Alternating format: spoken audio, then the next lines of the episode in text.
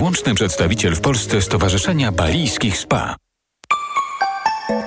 Pogoda. Dziś niewielkich opadów deszczu spodziewajmy się niemal w całym kraju, ale będzie też sporo przejaśnień. Na termometrach maksymalnie 13 stopni w Trójmieście i Białymstoku, 14 w Warszawie, Poznaniu, Bydgoszczy i Szczecinie, 15 w Łodzi i Lublinie, 16 we Wrocławiu, Krakowie, Katowicach i Rzeszowie. Czas na raport smogowy.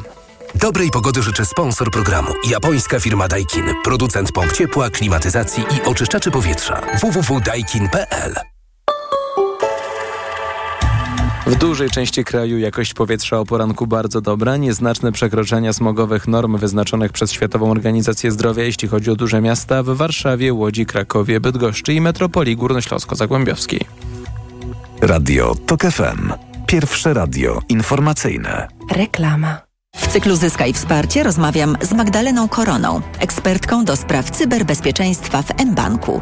Jak to jest z bezpieczeństwem pieniędzy przedsiębiorstwa zgromadzonych na bankowych kontach? Banki dokładają wszelkich starań, aby identyfikować podejrzane transakcje, ale najsłabszym ogniwem jest zawsze człowiek. Pracownik mający dostęp do konta przedsiębiorstwa. Zgadza się. Dlatego bardzo ważne są firmowe procedury dla pracowników. Co mają robić, gdy na przykład zadzwoni lub napisze ktoś podający się za prezesa nalegający na pilny przelew, albo fałszywy policjant lub fałszywy doradca od superlokat firmowych. Co robić w takich przypadkach? Najmniejsze nawet podejrzenie, że coś się nie zgadza, powinno skutkować telefonem do banku i upewnieniem się, że to nie jest próba oszustwa. Przydatne informacje znaleźć można na www.mbank.pl w zakładce MSP i korporacje. Dziękuję za rozmowę. Był to odcinek z cyklu Zyskaj Wsparcie.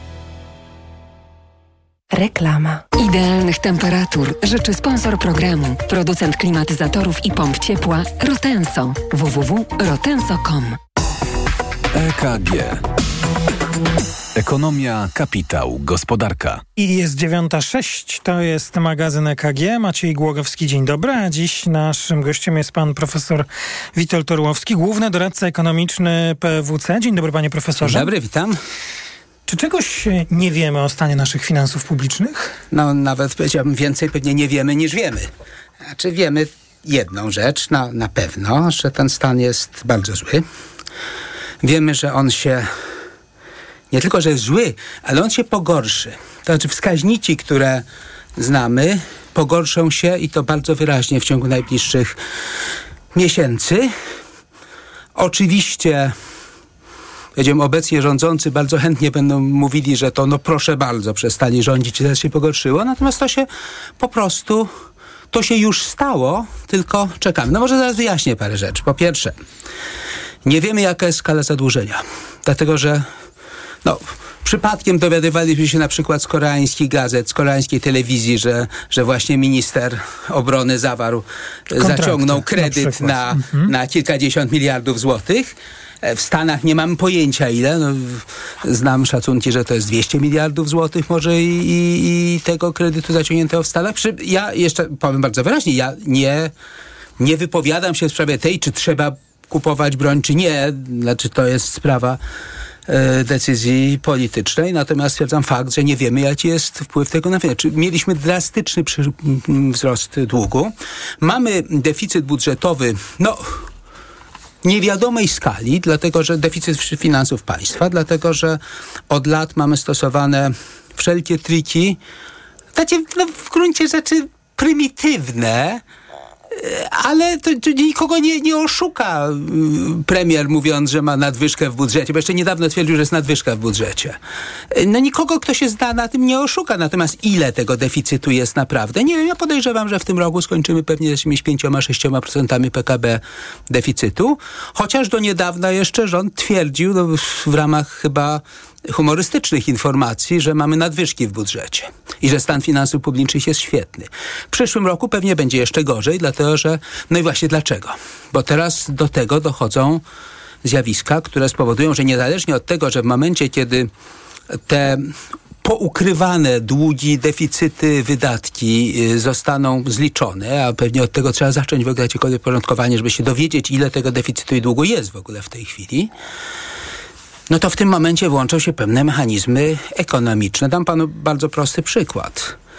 A, panie redaktorze, kupił pan obligacje rządowe indeksowane do inflacji? No nie wiem, czy e, to jest dobry Nie pomysł. wiem, czy pan kupił, e, ale ja bardzo wiele osób kupiło. Ale ja Wszystko odpowiem, jedno. Tak. skoro to Aha. pytanie padło, ja nie kupiłem. Nie kupił pan. Dobra, ja kupiłem. Oczywiście bardzo wiele osób kupiło, ale proszę zwrócić uwagę, jak te obligacje były skonstruowane. W pierwszym roku miały przynosić stratę, były na bardzo niskim, znaczy niskim w stosunku do inflacji oprocentowaniu, ale od kolejnego roku ma już być inflacja plus marsza.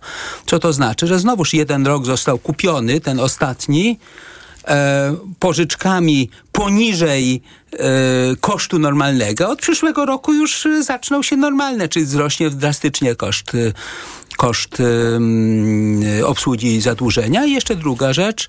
Prawdopodobnie prędzej czy później czeka nas poważne osłabienie złotego i wtedy wzrośnie gwałtownie wartość tych długów, zwłaszcza tych na przykład dziesiątek miliardów dolarów długu, które są w dolarach zaciągane w Korei czy, czy w Stanach Zjednoczonych, ale, ale nie tylko. E, sądzę, że jeśli dodać jeszcze na górę, sądzę, że okres takiej zdumiewającej łagodności Rady Polityki Pieniężnej, która obniżała inflację, y, obniżała stopy procentowe przy wysokiej inflacji, no pewnie jakiś magiczny sposób się zakończy i raptem Rada się nam zmieni w jastrzębią podnoszącą stopy A dlaczego procentowe. miałoby się tak stać? A nie, tak gdzieś przeczucie. przeczucie. Tak samo jak ja miałem przeczucie, e, gdzieś pamiętam jeszcze chyba w czerwcu, że jak tylko padł wynik wyboru i kiedy będą data wyborów, to powiedziałem, zresztą, że mam jakieś dziwne przeczucie, że będzie we wrześniu, na wrześniowym, październikowym posiedzeniu obniżona stopa procentowa, niezależnie od tego, jaka będzie inflacja. Także mówię, to przeczucia czasem, wie pan, w ekonomii się przydają, bo, bo ta. No i to znowuż oznacza prawdopodobnie podwyższenie kosztów obsługi zadłużenia. Czy krótko mówiąc, po pierwsze, Zakładam, że w tej chwili wreszcie dowiemy się, że zostanie to zliczone. Znaczy to tak czy owak powinno być zliczone dla potrzeb, y, do tego żąda Unia Europejska e, do, do kwietnia, no ale można to zrobić szybciej. Dowiemy się, ile jest długu i deficytu i pewnie będziemy bardzo nieprzyjemnie zaskoczeni tym, ile jego jest, zwłaszcza długu, jak bardzo przyrósł. No a po drugie, y, w dodatku ten cud polegający na tym, że dług rośnie, a relacja do PKB długu się obniżała, czy była prawie stała, lekko się obniżała, no to jest taki właśnie dług wynikający, to jest cud wynikający z faktu, że, że e, rok kupiony jest e, niejako, kupione na rok wyniki przez to, że taniej się sprzedaje ludziom, znaczy mniej się płaca obligacji, obligacjom oprocentowania, czy, czy tego, że nieco sztucznie utrzymywany jest kurs złotego. A panie profesorze, to wszystko, o czym pan powiedział, oznacza, że, y, czy, czy w pana opinii oznacza, że będzie trudno y, nowemu rządowi, a myślę, że już chyba możemy tak mówić, już nie, nie, No, musimy się... po- zobaczymy, zobaczymy. No oczywiście. dobrze, no, możemy oczywiście jeszcze e, chwilę czekać, ale... Znaczy każdemu rządowi powiedzmy, to nawet niezależnie od tego, czy nowemu, czy... czy, czy, czy Ale o ten tak. nowy szczególnie mi chodzi, bo e, komitety wyborcze, partie polityczne e, przed wyborami składały bardzo konkretne obietnice. Czy w pana opinii będzie trudność w realizacji tych obietnic? Znaczy ja podejrzewam, że doświadczenia polityczne Polski z ostatnich lat spowodują, że w zasadzie te obietnice najważniejsze, które zostały Nie mówię o poczynione, ekonomicznych tak, o ekonomicznych, zostaną zrealizowane. Ja nie mówię o jakichś tam dalej idących, typu to, co Lewica mówi o czterodniowym tygodniu pracy, bo to, to chyba jest dla wszystkich jasne, że to jest, no jeśli to co najwyżej mówimy o jakimś kierunku, niemożliwym do osiągnięcia szybko, ale, ale mówię o tych y, bezpośrednich obietnicach wydatkowych, czy takiego innego wzrostu płac i tak dalej. Jestem przekonany, że to Kwota wolna, kwotowo tak, że to będą musiały, tak, no to, no to będą I, I musiały. uważa pan, że na to będą pieniądze?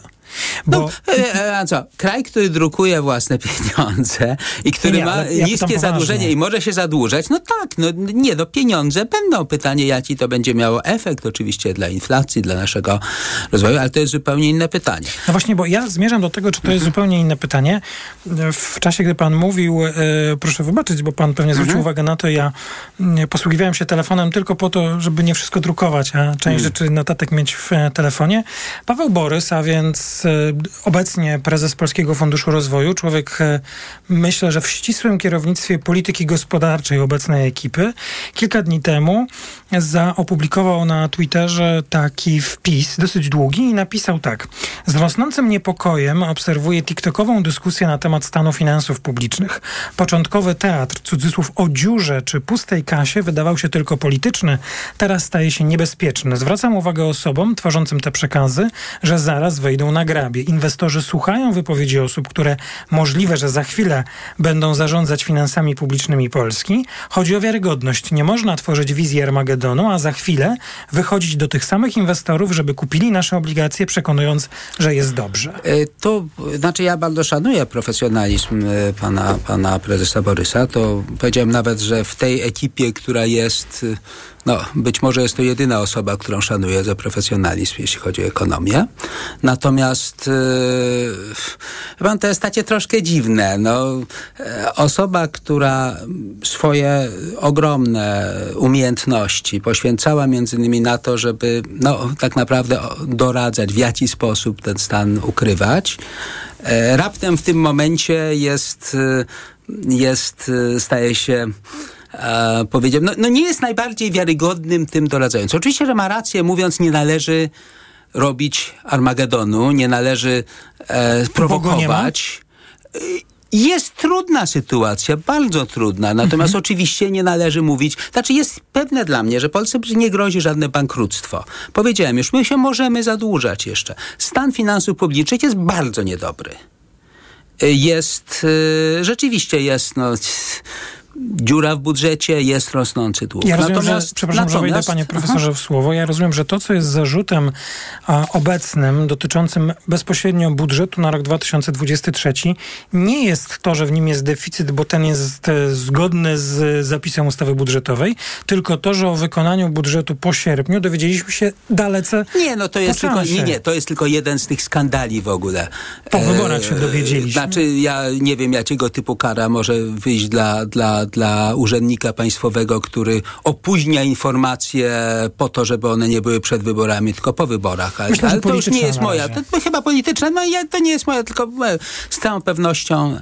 Natomiast y, ja o tyle się zgadzam z panem profesorem Borysem, że rzeczywiście sytuacja jest bardzo zła i trzeba o tym powiedzieć. Natomiast no nie należy mówić, że mamy katastrofę, bo katastrofy nie mamy. No Polska nie jest Grecją w tym sensie, że e, nie mamy twardej waluty, możemy zawsze ten dług jest niski, możemy cały czas pożyczać po coraz gorszych, na coraz gorszych warunkach, ale oczywiście możemy. Co to oznacza, że tak naprawdę to, to, co jest potrzebne, to najpierw oczywiście zorientowanie się, gdzie jesteśmy Właśnie... i później, ale to bym pozwolić mhm. zakończyć zdanie już, Proszę i później bardzo. powiedziałbym, jakiś, moim zdaniem, trzyletni plan stabilizowania finansów, bo oczywiste jest, że tego się nie da zrobić Ale z dnia pod, na dzień i co więcej, nie ma, nie ma powodu. Pod hasłem stabilizacji nie kryje się ten rezygnacja z tych zobowiązań, bo... Nie, nie, nie, nie, nie. Ja, powiedziałem, ja już powiedziałem, Jasne. to nie, proszę nie pytać ekonomisty. Ekonomista powiedział, oczywiście, czy nas stać na... Y, pod, oczywiście, że nie stać. Natomiast proszę sobie przypomnieć, że mimo wszystko... Dobrze, to ja powiem coś takiego. Mniej więcej cztery lata temu, jak były poprzednie wybory, ja chyba w Onecie miałem w tej rozmowie w samochodzie. E, powiedziałem coś takiego, jak usłyszałem te programy, że Polska weszła na ścieżkę grecką w finansach publicznych. Przy czym od razu wyjaśniłem, tu nie chodzi o to, że grozi nam bankructwo, a przynajmniej póki co to Tylko? mówimy o lata świetlne od bankructwa. Mieliśmy PKB dług 50%, 60%, no poniżej 60%, Wtedy Grecja miała 180%, no więc to rzecz jasna nie, nie chodzi o bankructwo. Tylko powiedziałem, politycy, no, nie da się ukryć, że oczywiście PiS to narzucił, ale że wszyscy uwierzyli, że w Polsce nie ma innego sposobu wygrania wyborów niż przez kupienie głosów. Znaczy, kto powie uczciwie, nie stać nas, nie będziemy, nie możemy, ten z miejsca może się pożegnać z jakimikolwiek nadziejami na, na wygranie. To wywołało w części internetu oburzenie, to co powiedziałem, a ja się pod tym obiema rękami nadal podpisuję. To jest oczywiście dowód nędzy, do jakiego została sprowadzona polska polityka. E, ale również troszeczkę mówi to o naszej edukacji ekonomicznej, o naszej wiedzy w momencie, kiedy e, no, wolimy słyszeć od polityków, co oni dadzą, niż nawet kiedy czujemy, że, że że to, no, to jeszcze dadzą, jedno pytanie. gdzieś tam zniknie potem. Czy y, właściwie tak w nawiązaniu do pierwszej części naszej rozmowy, czy pan y, oczekuje i wyobraża sobie, jak powinien zostać przeprowadzony i czy to hasło w ogóle ma sens, jakiś audyt sytuacji, taki raport otwarcia, powiedzenia sobie, co jest, co powinno być. Ja y, tutaj się powoliśmy raz na Pawła Borysa, nie ma go dzisiaj w studiu, więc nie chciałbym z nim zaocznie prowadzić dyskusji. Paweł Borys y, opublikował także taki ze swojej perspektywy bardzo konkretną odpowiedź na ten zarzut o braku przejrzystości. Y, tam sugeruje, że przecież nie wszystko musi być w budżecie, co dotyczy finansów publicznych.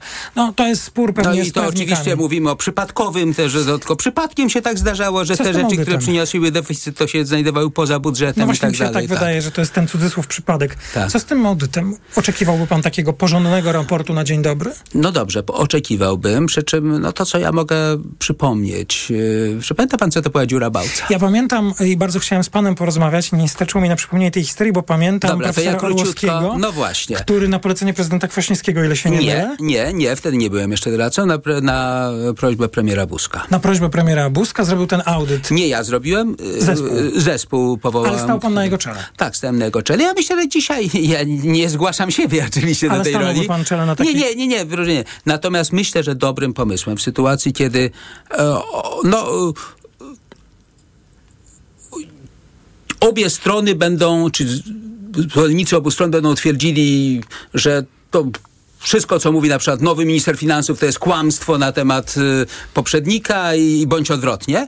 Ja myślę, że bardzo dobrym pomysłem byłoby stworzenie takiej komisji, której zadaniem byłoby rzeczywiście y, przygotowanie raportu na temat rzeczywistej finansów państwa i Nawiązując jeszcze raz do tego, co powiedział pan prezes Borys, bo to są ważne słowa oczywiście. Nie należy inwestorom mówić, że Polsce grozi katastrofa. Należy pokazać, jesteśmy w takim i takim punkcie. Należy opracować i przedstawić wiarygodny program powiedzmy trzyletniej stabilizacji finansów publicznych. To nie jest tak, że inwestorzy z powodu tego, że się dowiedzą, że w przyszłym roku jest deficyt, to raptem przestaną kupować polskie obligacje, bo wiadomo, jeśli się dowiedzą, że jest plan wyjścia z sytuacji, to oczywiście prawdopodobnie nam to odpuszczą. Najgorszą metodą, ostatnie zdanie, jest próba dalszego ukrywania, bo Grecy zrobili to znakomicie. Wynajęli nawet wielki bank inwestycyjny, który za nich ukrył jeszcze na parę lat stan finansów publicznych i potem jak rąbnęło, no to już było bankructwo. Ale w nawiązaniu do tej historii, którą pan przypomniał z 2001 roku, kiedy stanął na czele tego e, zespołu, e, po e, tak zwanej dziurze Bałca, to już na inną opowieść. To już inna opowieść, tak. Przypomnieć, bo gdyby wszystkie obietnice AWS-u zostały spełnione, to powstałaby gigantyczna, Tak, no. a, a taka była dziura Tak, Bałca. tak, E, Stanąłby pan na czele takiej, takiej Nie, no komisji? proszę mnie, proszę mnie nie pytać o to. Ja w ogóle nie wiem, czy politycy usłyszą coś, bo jednak mimo wszystko może będą chcieli sami to przedstawić. No a myślę, to że słuchają. Zobaczymy. Jeśli słuchają, ja nie wiem, czy ja bym stanął, natomiast z całą pewnością e, zespół. uważam, że lepszym, najlepszym pomysłem byłoby takiego naprawdę zespołu poza podejrzeniami, że y, ten zespół pracuje na zlecenie polityczne, coś takiego. Oczywiście wyznawcy i tak powiedzą, że to wszystko kłamstwa, ale, ale myślę, że większość społeczeństwa taki raport by przyjęła. Profesor Witold Torłowski, główny doradca ekonomiczny PWC. Bardzo dziękuję za rozmowę. Dziękuję bardzo. Informacje. EKG. Ekonomia, kapitał, gospodarka. Idealnych temperatur życzył sponsor programu, producent klimatyzatorów i pomp ciepła Rotenso. www.rotenso.com Autopromocja. Ominęła Cię Twoja ulubiona audycja? Nic straconego. Dołącz do Tok FM Premium i zyskaj nielimitowany dostęp do wszystkich audycji Tok FM, aktualnych i archiwalnych. Słuchaj tego, co lubisz, zawsze gdy masz na to czas i ochotę. Dołącz do Tok FM Premium. Teraz 40% taniej. Szczegóły oferty znajdziesz na tokefm.pl. Autopromocja. Reklama. Let's party w MediaMarkt! Sprawdź urodzinowe okazje cenowe w MediaMarkt. Teraz ekspres Telongi Dynamika z systemem spieniania mleka Latte Crema za 2399 zł. Taniej o 100 zł. Najniższa cena z 30 dni przed obniżką to 2499 zł. MediaMarkt. Rabat był? Do 20%. Przeglądy okresowe w specjalnej ofercie na 5 lat. A gwarancja też na 5 lat. Kup na wyprzedaży nowego dostawczego Volkswagena, załadowanego korzyściami po dach. Pięcioletnia gwarancja w cenie i rabat do 20%. Dostawcze Volkswageny Multivan, Kalifornia, Amarok, Caravel, Transporter, Crafter Caddy i inne. Z rabatem do 20%. Sprawdź ofertę wyprzedażową u autoryzowanego dilera. Reklama. Radio TOK FM. Pierwsze radio informacyjne. Informacje TOK FM. 9.23 Filip Kakusz, zapraszam. Były szef CBA Paweł Wojtunik sugeruje, że przed wyborami służby specjalne masowo inwigilowały polityków opozycji. Według niego na dwa dni przed głosowaniem miała zapaść decyzja o stosowaniu kontroli operacyjnej, szczególnie z naciskiem na polityków Polski 2050. Te sugestie trzeba wyjaśnić, mówią Katarzyna Lubnauer z Koalicji Obywatelskiej i Dorota Olko z Lewicy. Jeżeli połączymy je z wypowiedziami Jarosława Kaczyńskiego, sugerującymi wątpliwości co do Polski 2050, to się wydają bardziej wiarygodne niż wcześniej. Podsłuchiwanie jednej z opozycyjnych sił e, na ostatniej prostej to byłby wyraz przede wszystkim strasznej desperacji Prawa i Sprawiedliwości. O tym, że służby pracują zgodnie z prawem zapewniał zastępca ministra koordynatora służb specjalnych Stanisław Żaryn, twierdząc, że sugestie Wojtunika są kłamstwem. Minister bezpieczeństwa Izraela Itamar Ben-Gevir krytykuje weekendową deklarację prezydenta Joe Bidena o tym, że pomoc humanitarna do strefy gazy będzie ciągle dostarczana. Według członka rządu Benjamina Netanyahu takie postępowanie nie rozwiąże żadnych problemów, a pomoc humanitarna powinna zostać wysłana do palestyńskiej enklawy w zamian za uwolnienie wszystkich zakładników. Na razie do strefy, w której mieszka ponad 2 miliony osób, wjechały dwa konwoje z wodą, żywnością i środkami humanitarnymi. Na wjazd po egipskiej stronie granicy czeka jeszcze ponad 150 ciężarówek. W centrum Berlina po południu policja rozproszyła nielegalną demonstrację poparcia dla Palestyńczyków. Na Postdamer Plac zgromadziło się blisko 300 osób, a policja zatrzymała prawie 100 z nich.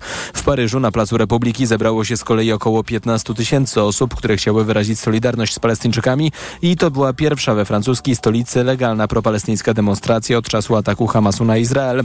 W Brukseli na podobnej demonstracji zebrało się 12 tysięcy osób, które zatrzymały się przed siedzibą Komisji Europejskiej. Pogoda. Będzie mniej deszczu niż w weekend. Synoptycy przewidują jedynie niewielkie miejscowe opady. Najcieplej będzie na krańcach południowo-wschodnich do 16 stopni, około 13 w centrum i na wybrzeżu, 11 na Podlasiu i Suwalszczyźnie. W całym kraju sporo rozpogodzeń. Radio TOK FM. Pierwsze radio informacyjne. EKG. Ekonomia, kapitał, gospodarka. To jest druga część magazynu EKG. Maciej Głogowski, dzień dobry. A dziś naszymi gośćmi są od mojej lewej. Będę przedstawiał pan Piotr Kalisz, główny ekonomista Banku City Handlowy. Dzień dobry. Dzień dobry. Pani Lidia Adamska, ekspertka w zakresie rynków finansowych. Dzień dobry. Pani Dzień doktor dobry. i pani Karolina Opielewicz, członkini zarządu Krajowej Izby Gospodarczej. Dzień dobry. Dzień dobry. Y, Panie Piotrze, to mamy mm, same dobre, prawie dobre, czy trochę dobrych informacji z naszej gospodarki? No mamy po prostu dobre informacje. Dobra, ale takie świadczące o tym, że wzrost nam się odbudowuje? Wydaje mi się, że tak. Znaczy e, tutaj Proszę mówić, trochę... niech mówi teraz. Jak jest dobrze, niech mówi. można, można było mieć e, takie obawy e, kilka miesięcy temu, że tutaj no, recesja nam się będzie Mieliśmy te obawy, nie tylko można było mieć. Tak, tak. No, na pewno były, pierwsze były uzasadnione i faktycznie pojawiały się takie obawy. Natomiast najnowsze dane, na przykład dane o sprzedaży detalicznej, które em, poznaliśmy Poznaliśmy w w piątek, e, pokazują tutaj takie wyra- wyraźne odbicie w stosunku do sierpnia o 2%, e, czyli miesiąc do miesiąca wzrosło ponad 2% i to taki mm, już po oczyszczeniu z tych takich wahań sezonowych, więc to po, powinniśmy e, traktować jako taki rzeczywisty wzrost, a nie, e, nie produkt jakichś takich e, sezonowych zawirowań. I no, z jednej strony może to nie powinno zaskakiwać, no bo to był też miesiąc, kiedy była wypłata czternastek. Mieliśmy, e, mieliśmy do czynienia z wzrostem płac szybszym od e, inflacji. Natomiast też e, może jako ciekawostka, gdyby spojrzeć tak bliżej na te dane, to się okazuje, że e, dosyć duży wkład w ten wzrost miała sprzedaż paliw we wrześniu. Tanich paliw. Tanich paliw. I to jest e, w pewnym sensie podobne na przykład do, do tego, co było obserwowane na Węgrzech, kiedy Węgry też miały em, rok temu taki okres e, zamrożenia cen paliw. Wtedy sprzedaż paliw była głównym, e, e, głównym czynnikiem pchającym sprzedaż detaliczną. Wszystko inne spadało, a e, sprzedaż paliw rosła. No dobrze, no ale to jakie wnioski z tego należy wysnuć, że co? Myślę, że przede wszystkim e, to, że w momencie, kiedy weszliśmy już e, w, w tą fazę, kiedy płace rosną szybciej niż inflacja, konsumpcja zaczyna odbijać, bo konsumpcja była tym czynnikiem, który tak, tak naprawdę spowodował recesję w Polsce, znaczy spadek konsumpcji. Bo drożyzna była, tak? E, tak, no wydaje mi się, że no, e, w momencie, kiedy inflacja bardzo szybko rośnie, no to Polacy nie są w stanie nadążyć, no i to w naturalny sposób e, no, Polaków nie było stać na kupowanie tak realnie tyle samo, e, co wcześniej. Teraz wchodzimy w tą fazę, kiedy, e, kiedy płace e, realnie zaczynają rosnąć. W, w najbliższych miesiącach będą te wzrosty no, 2-3%. To już dosyć duże, takie rok do roku wzrosty. E, więc myślę, że to daje tak taką podstawę do tego, żeby być bardziej optymistycznie nastawionym, jeżeli chodzi o wzrost w Polsce. E, I o ile wydaje mi się, że taki konsensus na przyszły rok, jeżeli chodzi o wzrost gospodarczy, to jest poniżej 3%, myślę, że, że przekroczymy ten poziom. Mamy szansę rosnąć y, szybciej niż 3%. I, I, ja wiem, że ja zawsze, e, znaczy, że nie, nie zawsze, tylko że staram się u, uprościć, ale mnie się wydaje, że jeśli my już, a powinniśmy, prowadzimy dyskusję o gospodarce, o tym, co jest istotne, zastanawiamy się, e, co się będzie działo. Na przykład w pierwszej części dzisiaj KG była mowa o tych obietnicach wyborczych, co można, co nie można.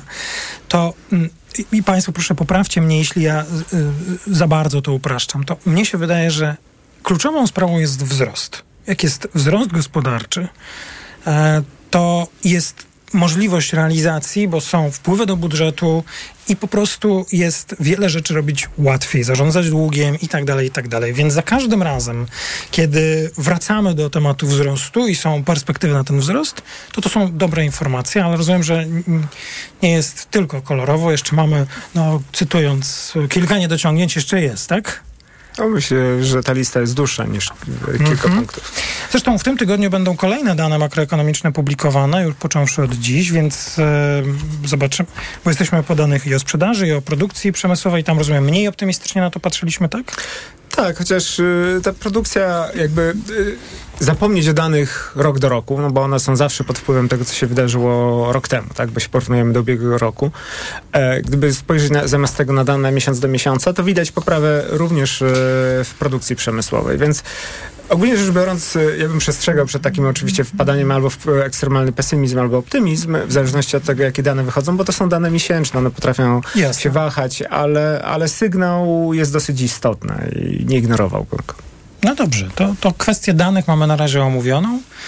Tam e, pojawiła się informacja w, wypowiedzi pana Piotra Kalisza o paliwach. E, rozumiem, że dużo ich kupowaliśmy, tak? Czy one też miały...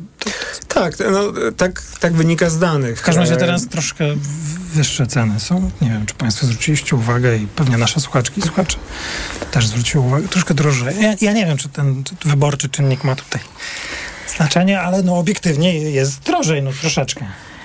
Niewiele drożej, ale drożej. Z pewnością ma w mojej ocenie. Ma. Przy czym wydaje mi się, że jak w tej chwili jesteśmy w takim nastroju e, optymistycznym, czy w każdym razie e, w ramach dobrych wiadomości, był, była taka narracja w swoim czasie tutaj u Państwa, nawet osobny punkt, że dobra wiadomość. Więc tak, mieliśmy chwili, taki fragment audycji. Dobra taki wiadomość. fragment audycji i nie wiem, czy wracamy do mówienia o dobrych wiadomościach, natomiast... Zastanawiamy się. Zastanawiamy, Zastanawiamy się. się. Natomiast wydaje mi się, że w ramach tego ogólnie pozytywnego odbioru tego, co się dzieje w gospodarce, no nie powinniśmy zapominać, że jeśli weźmie się poszczególne elementy tej gospodarczej układanki, na przykład inflację i to, że widzimy, i to jest bardzo dobre dla gospodarki, że e, inflacja słabnie i to jest y, wyraźne ze wszystkimi... Ale wciąż jeszcze jest wysoka, tak Ale wciąż wydaje. jeszcze jest wysoka. To pamiętajmy, że ten trend i ta tendencja ma charakter powszechny. To znaczy, że jeśli spojrzymy na kraje europejskie, to wszędzie e, inflacja e, spada. Mamy do czynienia z dezinflacją. Natomiast to, czego tutaj nie wypowiadamy, ale wydaje mi się, że trudno jest być może uniknąć, e, odpowiedzieć na pytanie, dzięki komu tak dobrze się dzieje? Teraz od jakiegoś czasu. E, za czyją Pani postawiła sprawą? pytanie, proszę Tak. odpowiedzieć. Więc y, y, ja e, nie podejmuję się takiej szczegółowej analizy tego zagadnienia, ponieważ jesteśmy w tej chwili, jak wszyscy wiemy, przed przygotowaniem raportu otwarcia i tego, co należy w gospodarce zmienić i poprawić. Natomiast pamiętajmy, że nie jesteśmy mimo wszystko jakąś wyizolowaną wyspą i podlegamy trendom ogólniejszym. Czekając na te dane, które mamy poznać jeszcze w tym tygodniu, e, pamiętajmy, że oprócz tej konsumpcji, o której tutaj była mowa, jej takim dynamizującym wpływie na wzrost, który też nie powinien być jakimś takim bożkiem i złotym cielcem, ale ciekawa będę, co, czego dowiemy się o inwestycjach. O inwestycjach, które są tym Ja tam swojego Pożądanym. stanowiska w sprawie wzrostu będę bronił. Jak będzie wzrost, to będzie nam łatwiej rozmawiać o Z realizacji e, polityk, tak. które chcielibyśmy, by były realizowane w różnych obszarach funkcjonowania państwa, ale e, to jest może dobry moment, e, pani doktor Adamska do tego na, nawiązała, m, by porozmawiać no, o tym, co powinno być przedmiotem e, dyskusji w Polsce i jest. Dyskusja skupia się e, powyborcza na tym, jak będzie zbudowana większość, to znaczy jak będą podzielone stanowiska, jak zachowa się pan prezydent, czy zechce od razu powierzyć misję tworzenia rządu przedstawicielowi demokratycznej większości. To są oczywiście bardzo ważne dyskusje. Natomiast y, chciałbym usłyszeć na początek od pani Karoliny Opilewicz, jakie środowiska gospodarcze mają oczekiwania tak na dzień dobry, bo już niektóre instytucje czy wasze organizacje publikują e, e, swoje oczekiwania. Dzisiaj wynik jest już przesądzony. Tam sobie PiS jeszcze dyskutuje, jak tę władzę oddać. Chciałoby się, żeby w taki no, dojrzały sposób to się e, wydarzyło, no ale jakie są oczekiwania wobec tych, którzy tę władzę wezmą? E, Przedsiębiorcy funkcjonują w bardzo trudnych warunkach e, na co dzień e, i trwa to na tyle długo, że ich oczekiwania tak naprawdę są dosyć sprecyzowane i przez te, przez te lata były, były skutecznie komunikowane.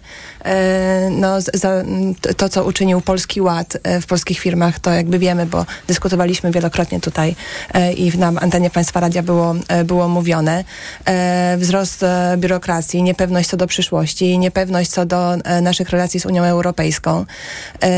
To są takie te kluczowe punkty i tutaj odnośnie wzrostu to chciałam też do tego nawiązać, że jesteśmy odizolowaną wyspą w kontekście nieotrzymywania środków unijnych nadal. E, e, A to jest niezwykle ważny i kluczowy czynnik tego wzrostu gospodarczego, o którym Państwo mówiliście przede mną.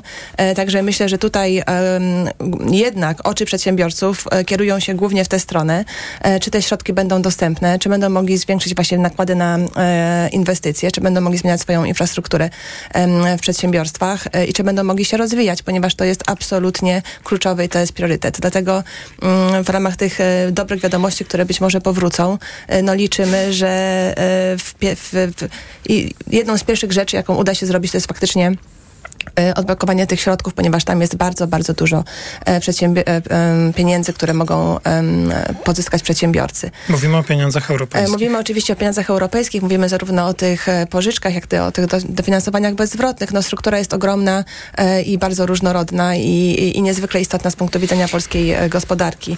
E, dla każdego przedsiębiorcy i dla gospodarki ogólnie. Dobrze, to do tej dyskusji, jakie jeszcze oczekiwania albo czego Państwo oczekują, powrócimy po informacjach. Jak rozumiem, w tym tygodniu premier Tusk wybiera się do e, Brukseli i jak rozumiem też jedną ze spraw, czy główną sprawą, którą no, o której chce tam e, rozmawiać, są właśnie pieniądze unijne, ale chyba formalnie jedzie na szczyt. e, Przed szczytem e, przywódców, szefów państw i rządów odbywa się szczyt grupy politycznej Europejskiej Partii Ludowej, więc tam będzie e, obecny. Pani Lidia Adamska, pani Karolina Opielewicz, pan Piotr Kalisz. Słyszymy się w ostatniej części EKG po informacjach. EKG. Ekonomia, kapitał, gospodarka. Przyjmuję dwa razy w weekend, w sobotę i niedzielę od 16 w Radiu TOK FM. O. Na wizytę u doktora zaprasza Ewa Podolska. I zdrowia życzę. Sponsorem programu jest Medicata, dystrybutor oferujący francuskie suplementy diety Melioran, wspierające układ nerwowy. Reklama. RTV Euro AGD. Uwaga! Tylko do czwartku. Euro Super Days, a w nich super rabaty na tysiące produktów. Na przykład automatyczny ekspres ciśnieniowy Philips Latte Go. Najniższa teraz ostatnich 30 dni przed obniżką to 2749. Teraz za 2699 zł. I dodatkowo do 40 lat 0% na cały asortyment. RRSO 0%. Szczegóły i regulamin w sklepach i na euro.com.pl. Ale chwileczkę, bo w Biedronce są biedronkowe oszczędności. Podążaj za nimi jesienią. Do środy. Polskie ziemniaki na wagę. Tylko 99 groszy za kilogram. Limit 5 kg na jedną transakcję. Oraz wszystkie jaja Moja Kurka. 2 plus 1 gratis z kartą Moja Biedronka. Limit dzienny 3 produkty, maksymalnie 1 gratis na kartę. A do soboty olej rzepakowy kujawski, butelka 2 litry, 12,89 z kartą Moja Biedronka. Limit dzienny 2 butelki na kartę. Oto powody, by iść do Biedronki. Świętujemy 60 lat Carrefoura na świecie i mamy dla Was jeszcze więcej super ofert. Teraz cukier biały Carrefour 4,49 za opakowanie przy zakupie 10. Oferta ważna do 25 października. Najniższa cena z 30 dni przed obniżką 5,49. Przepraszam, coś pani zgubiła. Mój magnes, bardzo dziękuję. Suplement diety Neomak Forte D3. Magnes. Może stąd to przyciąganie. Ja też biorę magnes. Sporo nas łączy. Łączy to Neomak Forte D3, dużą dawkę magnezu i aż 2000 jednostek witaminy D. Kosztuje 2 zł więcej niż Neomak Forte, a daje mi świetną odporność. Przekonała mnie pani. Zmieniam swój magnes na Neomak Forte D3. To może teraz ja przekonam panią, żebyśmy poszli na kawę. Chyba, że jest pani odporna również na mnie. Neomak Forte D3. Więcej niż magnes. Aflofarm. Marian, a czy ty jesteś gotowy na ten Black Weeks w Media Expert? To wyrwać coś ekstra? Barbara, żeby coś wyrwać, zawsze jestem gotowy. Zawsze. Patrz, kupuję na raty 0%. O, i RRSO 0%. Gotowi na mega okazję? Black Weeks w Media Expert, a do tego do 40 lat 0%, RSO 0%. Black Weeks w Media Expert. Wielki powrót muzyki Ennio Morricone do sal koncertowych. Już w październiku The Best of Ennio Morricone w Krakowie, Rzeszowie, Katowicach, Łodzi i Toruniu. Orkiestra, chór i soliści na żywo w najbardziej znanych dziełach światowej sławy kompozytora. Na piękny muzyczno-filmowy wieczór zaprasza organizator Pro Musica. Bilety kup bilecik Eventim Going Up, salony Empik. Co można kupić za 40 groszy? Dwie kostki czekolady, pół jajka albo dzienną porcję witamin i minerałów, bo tylko tyle kosztuje jedna tabletka ActiVitaminer Senior D3. Suplementy diety ActiVitaminer Senior D3 to witaminy i minerały wzbogacone aż o 2000 jednostek witaminy D3, tak potrzebnej jesienią i zimą. ActiVitaminer Senior D3 znajdziesz w swojej aptece w bardzo dobrej cenie. Witamina D pomaga w prawidłowym funkcjonowaniu układu odpornościowego. Aflofarm. Więcej na vitaminer.pl. Uwaga, maturzyści i rodzice! Nowa matura już od dziś z Dziennikiem Gazetą Prawną. Najnowsze testy i arkusze egzaminacyjne z odpowiedziami i punktacją do zadań. Dziś z gazetą Matura z języka polskiego, jutro z matematyki, w środę matura z języka angielskiego. Książki dostępne też na sklep infor.pl. Ruszaj do Lidla po wielkie zakupy i jeszcze większe oszczędności. Teraz w Lidlu okazje XXL. Frankfurterki z szynki Pikok 12,99 za 450 gramów. Żel do prania Persil 54,99 za opakowanie 3,24 litra. Osoba starsza, która ma problemy z apetytem i mniej je, potrzebuje substancji odżywczych i minerałów. Suplement diety Appetizer Senior zawiera ekstrakt z owocu kopru, który wzmaga apetyt oraz wspomaga trawienie. Dzięki temu bliska ci osoba może dobrze się odżywiać. Appetizer Senior. Aflofarm. Reklama. Radio TOK FM. Pierwsze radio informacyjne. Informacje TOK FM. 9.41 Filip Kakusz, zapraszam. Na Pomorzu od czterech dni trwa obława na Grzegorza Borysa. 44-latek jest podejrzewany o zabójstwo sześcioletniego syna. Za mężczyzną wydano list gończy, rozpoczęto poszukiwania w lasach wokół Trójmiasta. Opublikowano też jego wizerunek. Kierowcy muszą liczyć się także z policyjnymi kontrolami, m.in. na obwodnicy Trójmiasta. Rządzący strefą gazy Hamas twierdzi, że tej nocy naloty Izraela doprowadziły do śmierci co najmniej 60 osób. Jedna z bomb spadła na dom, zabijając 17, 17 osób. Naloty na enklawę rozpoczęły się 7 października jako odwet za akcję terrorystyczną Hamasu na południowych terytoriach Izraela. Siły obronne Izraela przygotowują się do ofensywy lądowej w gęsto zaludnionym terenie. Jednak, jak pisze dziennik New York Times, opóźnienie tej operacji zaleciła Benjaminowi Netanyahu amerykańska administracja, tłumacząc, że na razie trzeba skupić się na uwolnieniu uprowadzonych zakładników. Obawy Ukrainy, że wojna Izraela z Hamasem odwróci uwagę od jej zmagań z Rosją są uzasadnione, ocenia szef Instytutu Bezpieczeństwa i Rozwoju Międzynarodowego Uniwersytetu Jagiellońskiego. Generał Bogusław Pacek przypomniał, że Izrael to dla Stanów Zjednoczonych partner priorytetowy. Tymczasem Ukraina przygotowuje się na zimę. W obliczu braku przełomu na froncie skupia się na zabezpieczeniu dogodnych pozycji do obrony. Myślę, że już bez e, wiary w to, że cokolwiek istotnego e, zdarzy się e, tej jesieni, walczy, próbuje uzyskać to, co jest możliwe. Jak najbardziej dogodną sytuację już nie przed rokowaniami pokojowymi, bo mieliśmy przez chwilę taką nadzieję, a przed zimą. Hasło zima jest teraz najważniejsze. A chodzi przede wszystkim o zabezpieczenie infrastruktury energetycznej, która będzie głównym celem ataków Rosji w nadchodzących miesiącach. Pogoda. Najwięcej chmur na krańcach wschodnich i w centrum. Na termometrach przeważnie od 13 do 17 stopni, tylko miejscami słabe opady. Ob nocą pogodnie, choć w wielu regionach mgły. Jutro sporo słońca w całym kraju, chmury wrócą w środę. Radio TOK FM. Pierwsze radio informacyjne. Idealnych temperatur życzy sponsor programu, producent klimatyzatorów i pomp ciepła Rotenso. www.rotenso.com EKG. Ekonomia, kapitał, gospodarka. To jest ostatnia część poniedziałkowego wydania magazynu EKG. Jest 9.44. Pani Lidia Damska, pani Karolina Opielewicz i pan Piotr Kalisz. Wydaje mi się, że ta dyskusja o oczekiwaniach, czy no tak, chyba oczekiwania to jest najlepsze słowo, związana z, związana z nowym rządem jest jak najbardziej na miejscu jeszcze. Tym bardziej, że no, dokładnie nie wiemy, kiedy ten czas utworzenia nowego rządu się zakończy, jaka, jaka, jakie tu będą scenariusze. Być może e, po tym tygodniu, czy w tym tygodniu już nieco więcej wiedzy uzyskamy dzięki konsultacjom, które będzie prowadził Andrzej Duda. E, pani Karolina Opielewicz e, powiedziała o mm, stabilności prawa w kontekście tych mm, rzeczy podatkowych, tak? Po doświadczeniach Polskiego Ładu.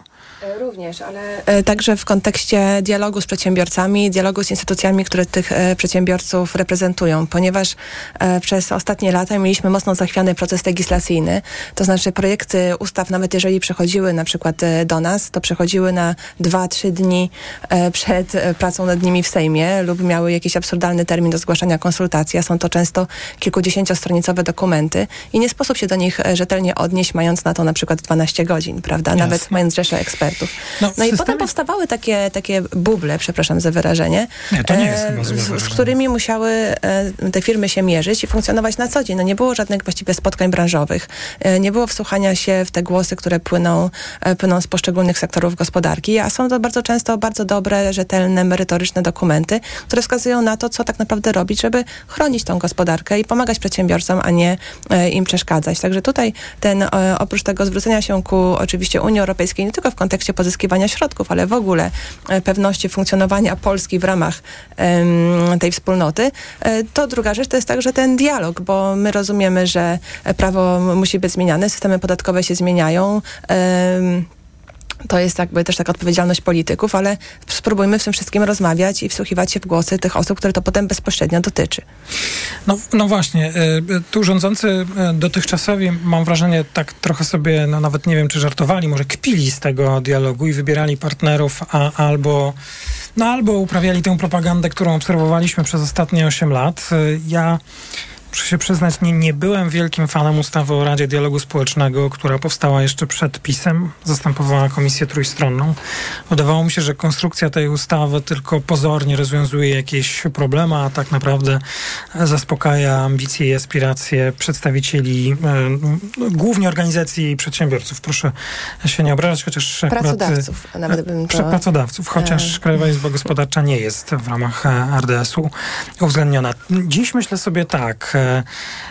każda instytucja, nawet niedoskonała, e, jeśli stwarza możliwość dialogu, jest lepsza od braku dialogu w ogóle.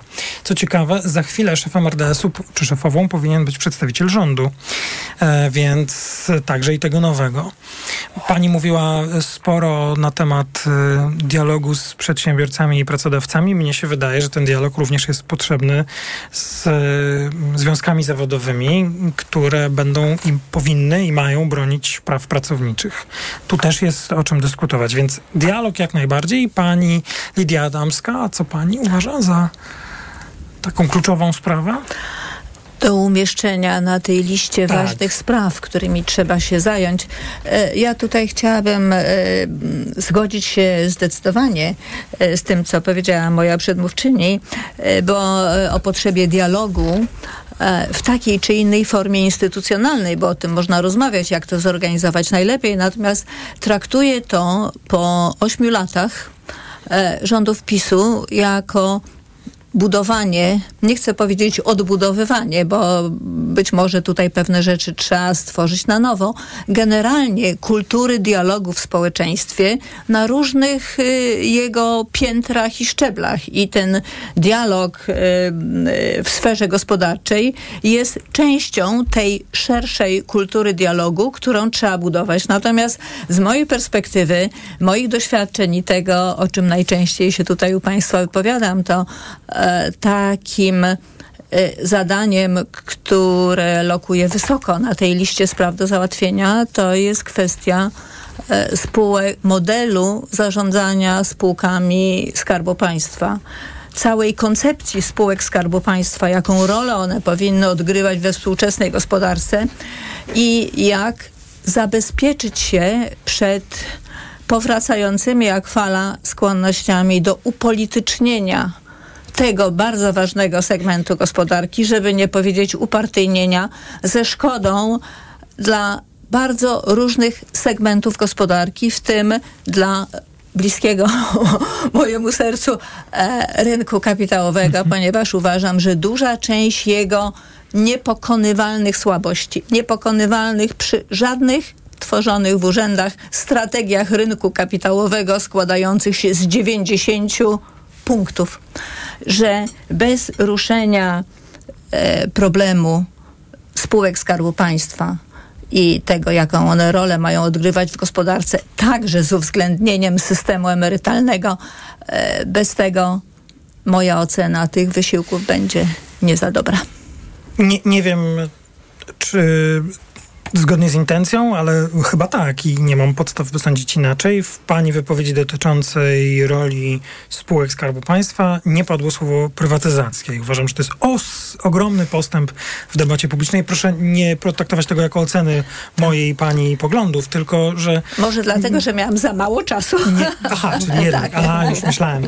Bo, bo, bo chciałem, mam nadzieję, że się będziemy wystrzegać e, Nie, to znaczy dla mnie głosów. dyskusja o spółkach Skarbu Państwa dotyczy nie tylko tego, jak nimi zarządzać, ale, Ale jakie firmy powinny być zaliczane do tego zbioru. No tak, ale bo ja się obawiam, że e, już, już nawet trochę takich głosów słyszałem, czy czytałem, takich prostych ekspert, ekspertyz, czy, czy, czy analiz, że wyłącznie prywatyzacja wszystko załatwia. No nie. Mam wrażenie, że my już wiemy po wielu latach, że nie prywatyzacja i może w końcu się spróbujmy umówić na jakiś porządny system zarządzania spółkami Skarbu Państwa, a powodów do rozliczenia i tej dziedziny też mamy sporo, no choćby zaangażowanie spółek w to nieszczęsne referendum, ale to jako ostatni akcent tej odchodzącej, czy ostatni punkt y, y, y, dotyczący tej ustępującej władzy. Pan Piotr Kalisz, a pan jak definiuje te, te wyzwania?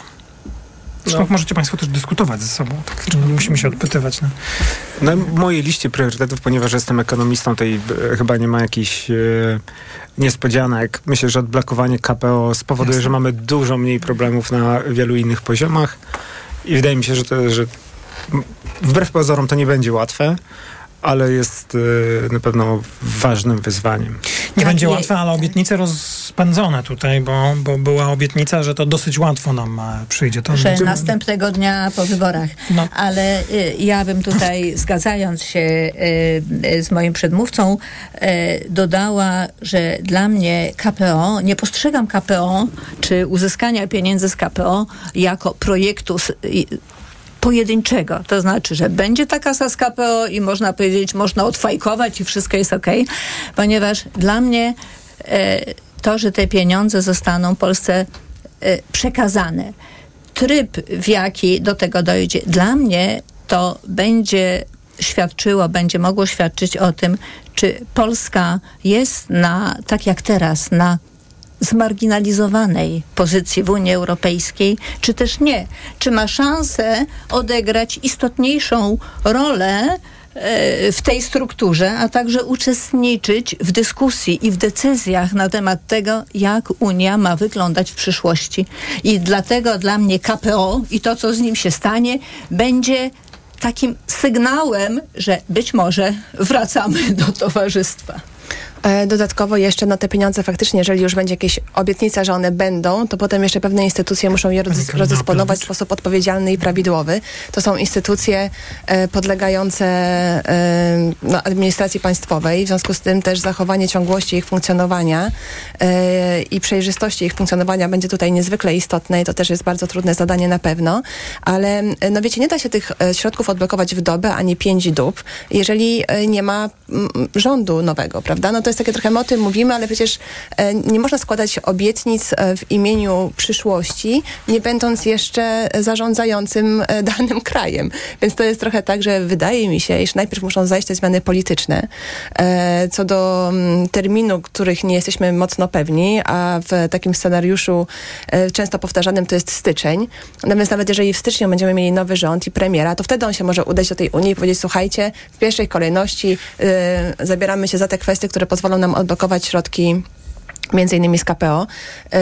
No ale to nie będzie prędkie to, i to z, z, uwagi na to chociażby też nie będzie łatwe. Czyli rozumiem, że pani y, nie poddaje się tej presji, którą wytwarzają y, politycy ustępującej władzy i sprzyjający im komentatorzy, którzy już rozliczają y, demokratyczną większość z niespełnionych o, obietnic, nie dając jeszcze szansy na utworzenie tego rządu. No tak, to jest w ogóle absurdalne podejście. Dobrze. Bardzo dziękuję za tę dyskusję, choć jeszcze nie, nie kończymy magazynu EKG, ale dziękuję za tę listę, bo też e, e, wydaje mi się, że może nie, nie pojawiło się tutaj nic, o czym nie trwałyby dyskusje jeszcze przed wyborami, ale z drugiej strony no, to pokazuje tylko skalę wyzwań, która jak rozumiem przed tym nowym rządem będzie, a KPO się tutaj pojawiało w, e, w wielu mm, dyskusjach i także u Państwo wszyscy się zgodzili, że to jest jedno z ważniejszych wyzwań, no i taka dosyć twarda obietnica, którą złożył Donald Tusk, więc pewnie będziemy oczekiwać teraz tych efektów. Na koniec to, co na rynku i konkretne pytania dotyczące sytuacji na Bliskim Wschodzie i, i obaw związanych z tym, jak y, y, może się to na rynki i gospodarkę przekładać, bo rozumiem, że na rynki się już przekłada, co, co widzimy. Pan Piotr Kalisz. No, przekłada się, no po pierwsze zazwyczaj w takich okresach niepewności dolar się umacnia i faktycznie dolar jest silny. No i druga sprawa, ceny ropy naftowej, które oczywiście tej w zależności od dnia fluktuują, ale no, wyraźnie wzrosłe y, po, po nasileniu tych napięć y, na Bliskim Wschodzie. Więc, y, a, a co dalej tak naprawdę to będzie zależało od, od rozwoju sytuacji. I zazwyczaj tego typu sytuacje charakteryzują się tak naprawdę nieprzewidywalnością. Tak? Za wiele jest tutaj czynników wpływających, żeby e, jednoznacznie tutaj obrać jakiś scenariusz rozwoju tej sytuacji. Pani Lidia Lamska? E, tak, to co w tej chwili obserwujemy, to jest taka dosyć oczekiwana, jeśli chodzi o wydarzenia, reakcja na e, kryzys polityczny, wojny i warunki niepewności. E, natomiast podstawowe czynniki e, to są takie, jak długo ta wojna będzie trwała i czy nastąpi jej eskalacja to, co się w tej chwili dzieje, jest porównywane ze względu na liczby, może numerologii trochę. 50 lat temu e, rozpoczęła się wojna Jom Kippur. Zaczęła się praktycznie tego samego dnia, 6 października, a ta obecna 7. Ona trwała do 26 października. Gdyby to miało się powtórzyć, to ta wojna obecna powinna się skończyć do końca tego tygodnia, na co się nie zanosi. E, tutaj wróżenie ze szklanej kuli jest bardzo trudne, ale e, przeczytałam, e, strategzy, analitycy zajmują się wróżbami i taki kanadyjski ośrodek analityczny prognozuje 70% ryzyka rozszerzenia się tego konfliktu. Także te skutki, o których w tej chwili nawet nie powiemy o wszystkich, no, nie są nieprawdopodobne. To myśmy tu mówili o takich o ocenach i, i już wydarzeniach rynkowych w trochę w szerszej perspektywie, nie tylko jednego konkretnego dnia. To ja teraz tylko o tym, co teraz. Euro 4,45, dolar 4 zł 20, frank 4,71 i funt 5 zł i 11 groszy. To był magazyn EKG. Pani Lidia Adamska, pani Karolina Opielewicz i pan Piotr Kalisz. Bardzo państwu dziękuję za przyjęcie zaproszenia. Informacje w Radiu Tok FM o 10, po nich przedpołudniowa audycja Radia Tok FM. Ja bardzo dziękuję. Maciej Głogowski, do usłyszenia. EKG. Ekonomia, kapitał, gospodarka. Idealnych temperatur życzył sponsor programu, producent klimatyzatorów i pomp ciepła Rotenso. www.rotenso.com Głosy Radia TOK FM po godzinach. Powrót do przeszłości Karoliny Lewickiej. Słuchaj dziś po godzinie 22.